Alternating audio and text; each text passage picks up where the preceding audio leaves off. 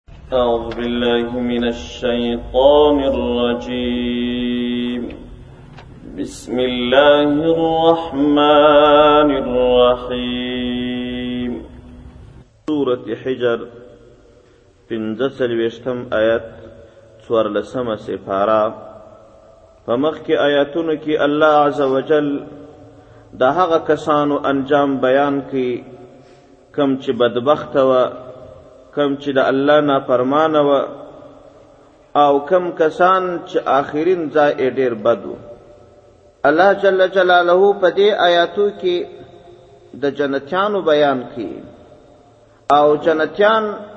د الله دوستان دي د الله ور سره محبت دي الله عزوجل پر خپل لار باندې سیده کړي او د الله رحم او توفیق ور سره دی او په دې کې د الله جل جلاله رحم او قهر دواړه ښکاره کیږي یعنی دا لکه په الله کې چې رحم ستا قهر هم ستا کم کسان چې نیکان دي هغو باندې د الله د رحم اثر وي او کم کسان چې بدان دي پر هغو باندې د الله د قهر اثر وي په دې آیاتو کې الله جل جلاله د جنتیانو بیان کی د نیکو انسانانو بیان کی او کم امتیازات چې الله په جنت کې و جنتیانو ته ورکی هغه الله بیانوي هغه سه امتیازات چې په دنیا کې نسته په جنت کې به الله جل جلاله څو امتیازات و مومنانو ته ورکړي و جنتیانو ته به یې ورکړي هغه دا چې کله د لومړي ځل لپاره مومنان مسلمانان جنت ته داخل سوه د دوی په زړونو کې چې کم غل او غش یو د بل یو څه سره خوابتیا او خپګان موجود وي هغه به الله د دوی د زړونو وباسي غل او غش په زړه کې خیره پیره یو د بل ناراضګي یو د بل غیبت او قصد داسې څه شیان ته په انسانانو کې وي خو دا خبره یاد ساتل پکار دي چې دغه غل او غش دا درې رقم دي یو غل او غش دا دی چې هغه د حسد او د عناد په وجه باندې وي د یو بل ورور مسلمان څخه ته په دې وجه باندې نفرت کوي چې د هغه مقام در تال وړ دی ته دا وایه چې د ده مقام ولې تر مال وړ دی نو ځکه زما نفرت څنې کېږي کاش کې دا مقام د ده نه وای زما وای په دې وجه چې په زړه کې غل او غش ورسره پیدا سوی دی د هغه سړی که دغه مقام ځینې ایسته سي او بیا ته غل او غش نه وسره لرې اوس غل و غش و خپګان و حسد و عناد چې وس چې وسې غیبت هم ورپسې کوې بهتان هم ورپسې وایې څه دی ستا حسد په زړه ننوتلی دی عناد دې په زړه کې ستا د داسې کس په اړه باندې پیغمبر صلی الله علیه وسلم فرمایي و هیڅ کله به جنت ته داخل نسی چې د چا په زړه کې دغسې یوه ذره غل او غش موجود وي یوه ذره یوه ذره غل او غش چې په دغه ډول باندې د چا په زړه کې موجود وي دغسې کس به پیغمبر صلی الله علیه وسلم فرمایي وایي جنت ته به داخل نسی او یا د غل او غش د نورو دنیوي معاملاتو په اړه باندې وي یو جزء جزء شی وستا او د تر مابین څخه افغان راغلی وي تا نو هغه جزء شی ډېر کلک بللی او د یو څو پیسو په خاطر باندې د مسلمان ورور سره په کلونو کلونو خپګان او خوا بچا ساتي دا هم جائز نه دی او یو خپګان او په زړه کې خوا بچا ساتل د دین په وجه باندې یو کس دی بې دینه دی ته نفرت او کرکه ځینې کوې یو کس دی غل دی ته نفرت او کرکه ځینې کوې یو کس ظالم دی یو کس قاتل دی او داسې نور چې کم کسان چې د دین څخه لري دي د دین د لریوالي په وجه باندې چې ته غل او غش وسره کې دا جایز دی او دریم ډول بیا غل او غش دا دي چې په عام ډول باندې د انسانانو په تبایعو کې الله تعالی پیدا کړی غیر اختیاري غیر اختیاري چې د یو سړی کړه وړه طبیعت او انداز دا ستا پر طبیعت شنه لګیږي نور څه دښمني نه ورسره لرې، څه مخالفت نه ورسره لرې، خو هغه ستا چې د زړه مینه او محبت دي هغه هم نه وي، دا غیر اختیاري. کله چې جنتیان جنت ته داخل شي، د اول ځل لپاره به هغه شرعي او غیر اختیاري څه حسد و عناد و، حسد خو هغه ته نه شي ویل کېدلی، بلکې غل و غش و په زړه کې څه خیره پیره دا به الله ایسته کړي او کوم چې ګناه ده، د داسې کس په اړه باندې پیغمبر صلی الله علیه وسلم فرمایي وای داسې کس به جنت ته داخل نشي په دنیا کې څه څه خفقانونه وي خوابدۍ وي نزاکتونه وي په جنت کې به د لومړي ځل لپاره الله عز وجل د ټولو انسانانو د سینو څخه غل غش خیرې پیرې دا به وباسي د ټولو جنتیانو په منځ کې به داسې محبت راسي ټول به ورونه ورونه وګرځېږي هیڅ ډول خوابتیا، کرکه، د زړه خیره دا به د دوی په منځ کې نه وي. یو امتیاز به الله دا ورکړي. دوهم امتیاز به دا الله ورکړي چې کله دوی جنت ته داخل شي، په جنت کې به دوی سالم وي، هیڅ ډول ویره، آفت، تکلیف، مصیبت دا به نه وي. ګورې په دنیا کې څو شیان سته په دنیا کې چې یو څوک هر څومره جاه او جلال والا سي مال او دولت والا سي لوړ مقام والا سي بیا هم څو ویرې ورسره سته یوه ویره دا ورسره وي چې دا زما مال و دولت به یو څوک په زور راڅخه واخلي غل به راته ودرېږي قطع طریق به راته ودرېږي جاه و جلالت والا باچا لوړپوړي کسان هغه هم بیریږي اوس به دښمن راسي ما به تباه کړي ما به ووژني د هغه سره هم دا ویره ورسره وي نو ځکه یې پوجونو و کلاوې پر ځان راګرځولي یوه ویره دا ورسره وي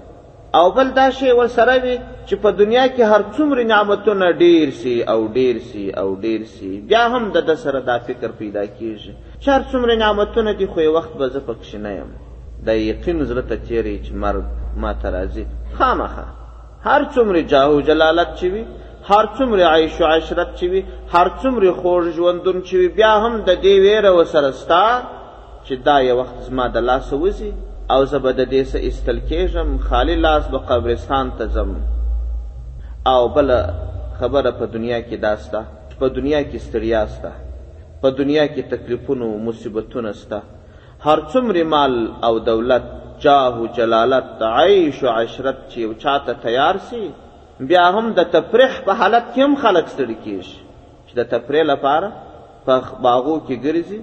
د تفریح په ځایونو کې ګرځي او د ډول ډول نعمتونو د طلب لپاره ګرځي بیا هم ستړیا ورته راځي ورې د عیش لپاره ګرځي ستړی دي په عیش پسې ګرځي د عیش په حالت کې ستړی دی، په هوسايي کې ستړی دی، په خوشحالي کې ستړی دی، په جنت کې دا شی نشته. هلته نه هیڅ ډول درد، تکلیف، ناتواني شته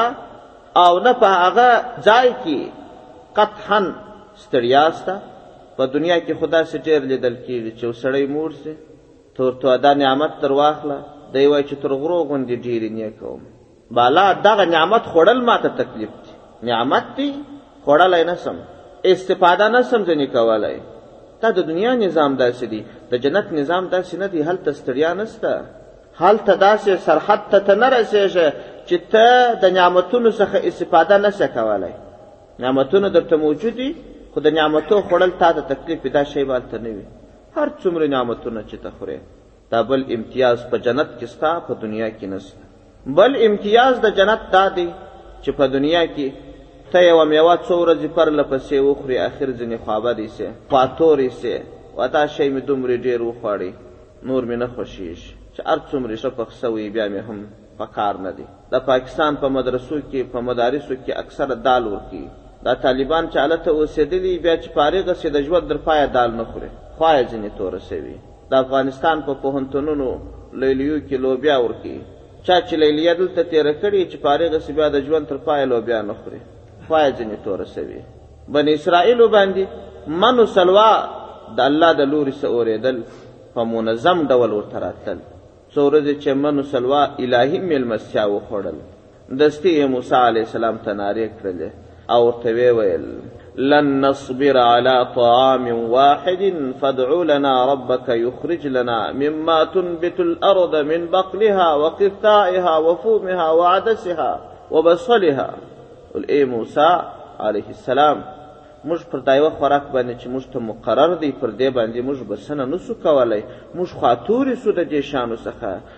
موږ ته داسې شیان حواله کړه چې هغه مځکه راشنه کړي لکه دال و نخود و لوبیا و پیاز و وږه ګندنه و بادرنګ دا شیان راته حواله کړه نو په دنیا کې دا شی سته په جنت کې به دا شی نه وي هر څومرې ډېره میوه هر څومرې ډېر نعمتونه چې یو جنتي خوري ستړی کیږي به نه او خاطوري کیږي به نه هر ورځ به نوي نوي میوې ورته راځي کله چې میوې نوي راغلې رنګ به هغه وي خوند به یې بل وي دا امتیازات دي چې الله عز وجل په جنت کې و مؤمنانو جنتیانو ته فرمایلي دي او ورکوي یې دغه امتیازات چې په دنیا کې نشته الله یې په اخرت کې مؤمنانو ته ورکوي د دې بیان الله په دې آیاتو کې کوي او دا ورپسې فرمایي چې الله غفور رحیم هم دی او الله عز وجل قهار هم دی لکه په تیرو آیاتونو کې چې مو انجام د بدبختو بیان کی شیطان چې د الله مخالفت یې وکړي اخر انجام یې څه شو او هر څوک چې د ده تابعداران و د هغو د انجام اعلان الله وفرمایه چې د هغو لپاره به عظیم عذاب وي په دغه ډول باندې الله رحمان او رحیم هم دی د جنتانو دپاره بیا د شو شو داسې امتیازات اعلان فرمایي چې په دنیا کې هغه نشته نو ځکه الله عز وجل فرمایي ان المتقین فی جنات وعیون ان بېشکه المتقین متقیان به فی جنات په جنتو کې به وي وعیون او په چینو کې به وي عجیب عجیب جنتونه به وي داسې جنتونه دي چې په دنیا کې یې څوک بیانولی نسی او ښې خوږې اوبه به وي چینې به وي کله چې دی جنتو ته داخلیږي غږ به ورباندې وسي چې ای جنتیانو تاسو چې دا عظیم عظیم نعمتونه لوړې لوړې ماڼۍ او بنګلې وینئ ادخلوها داخل سی و دې جنتو ته بسلام په سلامتیا سره آمینین تاسو به په امن یاست الته به تاسو ته تکلیفونه اپات و بلایات او ناجوړی وهم ویره خطر دا به تاسو ته نه وي سالم او غانم سلامت او په امن پر امن ژوند په دې جنت کې وکړي الله عز وجل فرمایي ونزعنا ما في صدورهم من غل اخوانا ونزعنا موږ به وباسو ما هغه شی فی صدورهم چې په سینو کې د دوی دي من غل څه خیره پیره ده الله فرمایي هغه به موږ ځینې وباسو هیڅ خیره پیره به د دوی په زړونو کې پاته نسی او وبګرځي شي اخوانا اورونه اورونه ونزعنا ما في صدورهم من غل اخوانا موږ به هغه څه چې د دوی په سینو کې کم غل دي کم خیره پیره د هغه به وباسو او ټول به ورونه ورونه وګرځیش په دنیا کې طبعي ډول باندې د انسانانو یو دربل یو څه خبرې وي چې د یو مقام لوړ وي ډېرې بنګلي و ځایونه ولري او ابل ټیټ رتبه وي بس وای کاش کې دا شان زما هم وای په جنت کې به دا شی نه وي په جنت کې به هم د لوړو متوسطو او ټوتو درجو والا جنتیان وي خو دا هر جنتی به په دې خپله درجه داسې راځي ورباندې عاشق به وي او دا وایي چې دا زما مقام زما لپاره ډېر ښه دی خو ستا مقام بیا ستا لپاره ډېر ښه دی دا شی به نه وي هلته علا سورر متقابلین علا سوررین پر کټونو باندې به وي متقابلین مخامخ په جنت کې یو امتیاز الله و جنتیانو ته دا ورکړی دی چې جنتیان که وغواړي چې یوازې ژوند وکړي یوازې اوسېږي یو دم به یوازېوالی راسي نه به دی څوک ویني او نه به بل څوک دی ویني او که دی وغواړي چې زه د نورو جنتیانو سره په مجلس کې سم په خبرو کې سم ټول ووینم ټول به لیدلی سي خو د جنتیانو شمېر ډېر دی کله چې ګڼه ګوڼه زیاته سي په یو ځای کې خلک سره راجمع سي نو یو د بل وشاته سره ناست وي یوه ته یې مخي بل ته یې شا وي که چیرې هغه مخ چې دی نو د هغه څه مخ راواړي دا شا کس ته بیا بیا بل کس ته شا سي دا بل ته به مخ سي خو په جنت کې به داسې نه وي داسې انتظام الله تعالی جوړ کړی دی چې ټول کسان به مخ په مخه وي یو د بل وشات ته به شاګانې نه وي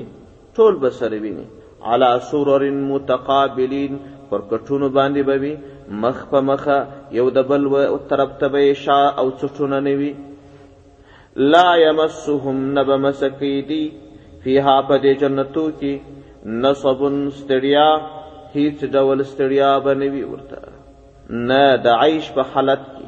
نه د نورو تکالیفو په وجه باندې نه د ښه خوراکونو د لاسته راوړلو په وجه باندې په هیڅ صورت کې به دوی ته ستړیا نه وي وما هم منها بخارجین وما هم نبوي دی منها د دې جنتو څخه بمخرجین استل کړل کېدونکي به نه وي چې دی دې وایستل کړل سي د همیش د پاره به په دې جنتو کې وي په دنیا کې خو لا د یو چا سره دا فکر پیدا کیږي چې هر څومره نعمتونه دي او دي یو وخت به نه یم په جنت کې به دا فکر نه وي اوس دا اعلان ورته کوي وما هم منها بمخرجین او دی به د ابد د پاره د دې جنتو څخه ایستل کیږي نه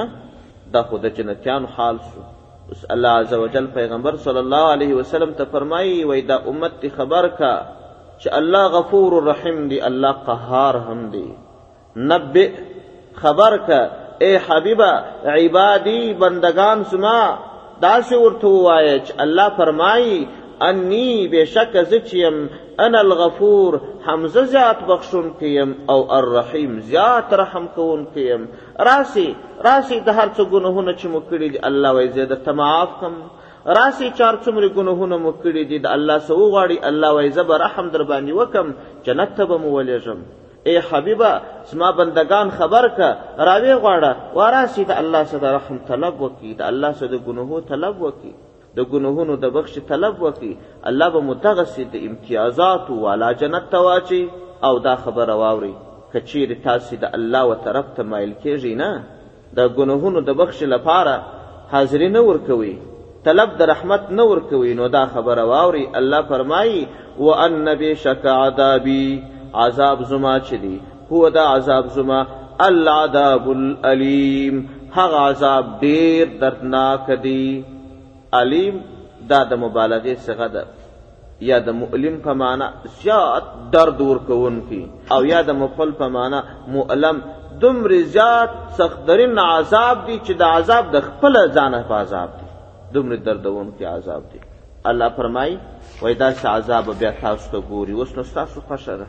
د دې لپاره الله جل جلاله مثال پیښوي چې الله رحم هم لري الله قهر هم لري په دې پسې آیاتو کې الله فرمایي وایي د ابراهیم علیه السلام میلمانه در یاد که دا د ابراهیم علیه السلام میلمانه د دې واقعا زما بندگانو ته بیان که ای حبیبه درې ملائکې دي د انسانانو په شکل د ابراهیم علیه السلام کور ته راغلی ابراهیم علیه السلام ته یې په زوی باندې زیری ورکړي د خوشحالۍ زیری ورکړي د هغه درې ملایکې بیا د لوط علیه السلام کور ته هم ورغلې د لوط علیه السلام د قوم لپاره بیا د عذاب اعلان وفرمایه د عذاب خبر یې ورکړي الله هم دغسې غفور رحیم دی رحم هم در باندې کی استازی به در توالېږي که د نیک انسان وې خوشی خبر به درکړي که بد انسان وې د عذاب خبر به درکړي عذاب به در باندې راولي ونبئهم مع نغضیف ابراهیم ای حبیبا ونبئهم او خبر ورکوه دوی ته عن غضیف ابراهیم د میلمنو څخه د ابراهیم علیه السلام د ابراهیم علیه السلام میلمانه څنګه وه د ابراهيم عليه السلام ملمانه درې کسه وه د ابراهيم عليه السلام کور ته راغله ابراهيم عليه السلام ډېر مهربانه او ډېر زړه سوانده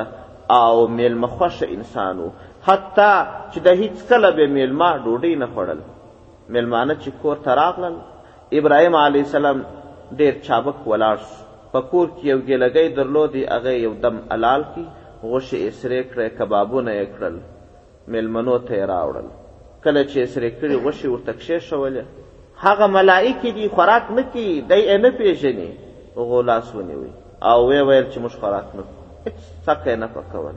ابراهیم علیه السلام چې دوی ته وکتل چې دا نابلده خلک دي، هېڅ یې زه نه پېژنم. د بل اړخه څخه یو روایت کې راځي چې د دې مېلمنو سره تېره تېره غشي ورسره وه. او په دریم قدم کې بیا ابراهیم علیه السلام خوراک ورته کښېښودی دی خوراک نه کوي په هغه زمانه کې دا رواج و چې یو چا به د چا د کوره څخه خوراک نه کوي دا په دې معنا و چې دا کس دې کور ته بده اراده لري بد نیت لري ابراهیم علیه السلام فکر وکړي چې دا نابلده خلک تیره تیره غشي ورسره دي خوراک نه کوي لږ چې په بد نیت باندې راغلي دي نو مخکې هم په زړه کې څه خطره وه کله چې د خوراک څه مخ واړوئ نو په خوله باندې ورته وویل قل انا منکم وجلون ای خلکو موږ ستاسو څخه بیریږو تاسو څنګه خلک یاست تاسو خوراک ولې نه کوئ تاسو په بد نیت راغلي یاست زموږ په زړو کې ستاسو څخه ډار ویره پیدا سوه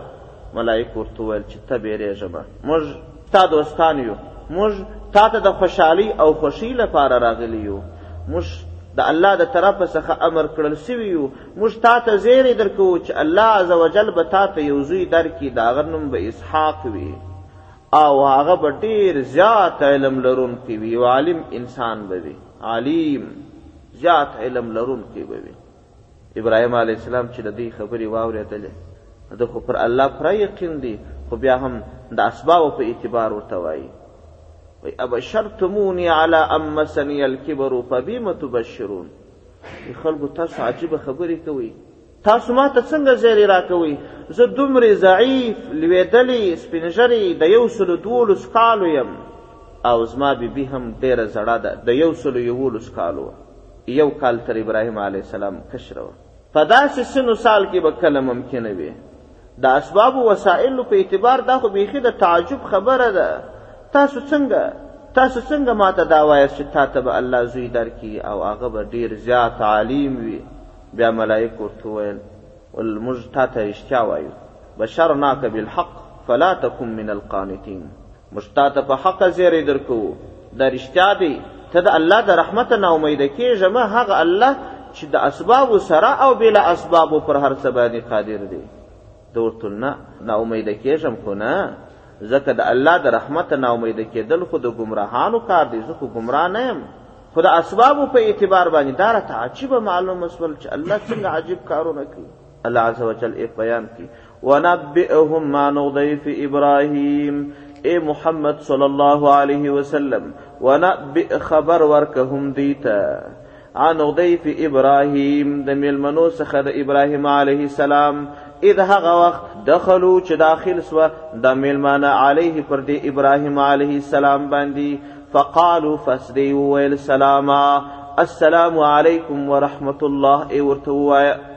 او ابراهیم علیه السلام ورته وعلیکم السلام ووایه کله چې د خوراک شیانو ته برابر کړل او هغو خلکو خوراک نه کاوه ابراهیم علیه السلام په خوله ورته وویل قال وویل ابراهیم علیه السلام انا بشک موږ چې یو منکم ستاسو څخه وجلون ویرېدونکي یو موږ خو ستاسو ویرېږو دا تاسو څنګه چمونه کوئ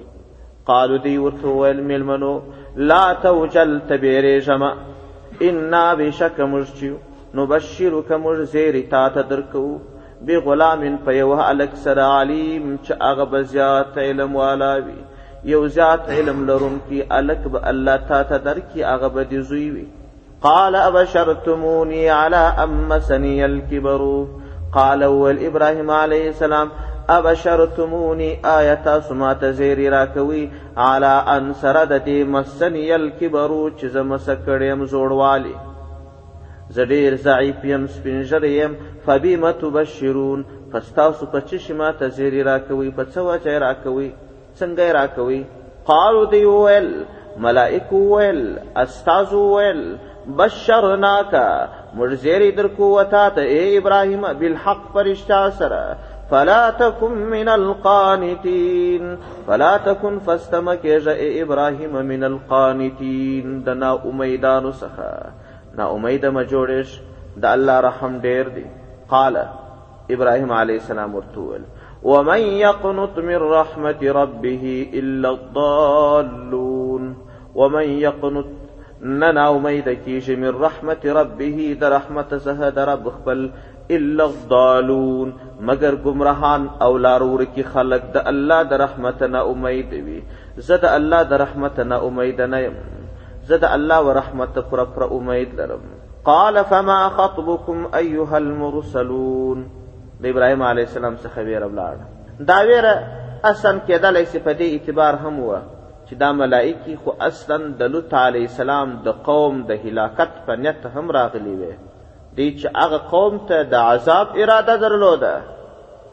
هغه د هلاکت و عذاب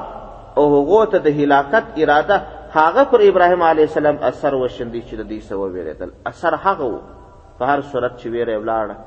بیا یې ورته وویل فما خطبکم ایها المرسلون بیا مو څه اراده ده او بیا څه مخته کم کار لري ملائک ورته وویل چې موږ خو د الله د لوري سره لېږل سوي یو مجرم قوم ته چې هغه د لوط علیه السلام قوم دی لوط علیه السلام د ابراهیم علیه السلام وراره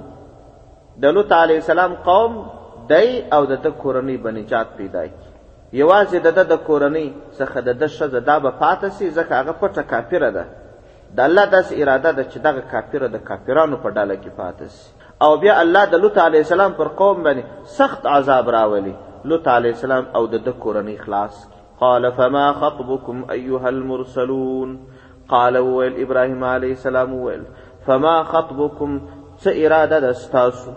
مخ ته څه کار لري ایها المرسلون ای الهي استازو ای د الله استازو ای ملائکو مخ ته نور څه کار لري قالو دی ویل انا ارسلنا الى قوم مجرمين انا بشک مجزيو ارسلنا مجلجل سويو د الله د لوري څخه الی قوم و یو قوم ته مجرمین چې هغه سخت جرم کونیندګان دي، جرم کوونکي دي، بد خلک دي، بدبخت خلک دي، د الله د دینه لیرې خلک دي، هغه قوم ته ځو او د هلاکت اعلان ورته کوو. الا آل لوط مګر نه به هلاکیږي آل د لوط علیه السلام، کورنۍ د لوط علیه السلام، انا بېشکه موږ چې یو لمنجوهم موږ نجات ورکوونکي یو دې کورنۍ ته د لوط علیه السلام اجمعین و ټولو ته الا خو بیا نجات نه ورکوو امرأته و ښځې ته د ده د ده ښځې ته نجات نه ورکوو قدرنا انها لمن الغابرین دا جمله مقوله د ملائکو ده دا چې ملائکې د الله د لوري څخه امر سوي وي چې تاسو ورسئ پر دې قوم عذاب راولئ او دا قوم هلاک کړئ نو ځکه ملائکو ځان ته نسبت وکړي چې موږ د دې ښځې لپاره د عذاب اندازه ټاکلې ده چې دا به پاتې شي د دې برخلیک مو ټاکلی دی او د دې آینده مو اندازه کړې ده چې دا به پاتې وي یا خدا مقوله د الله د الله فرمایي قدرنا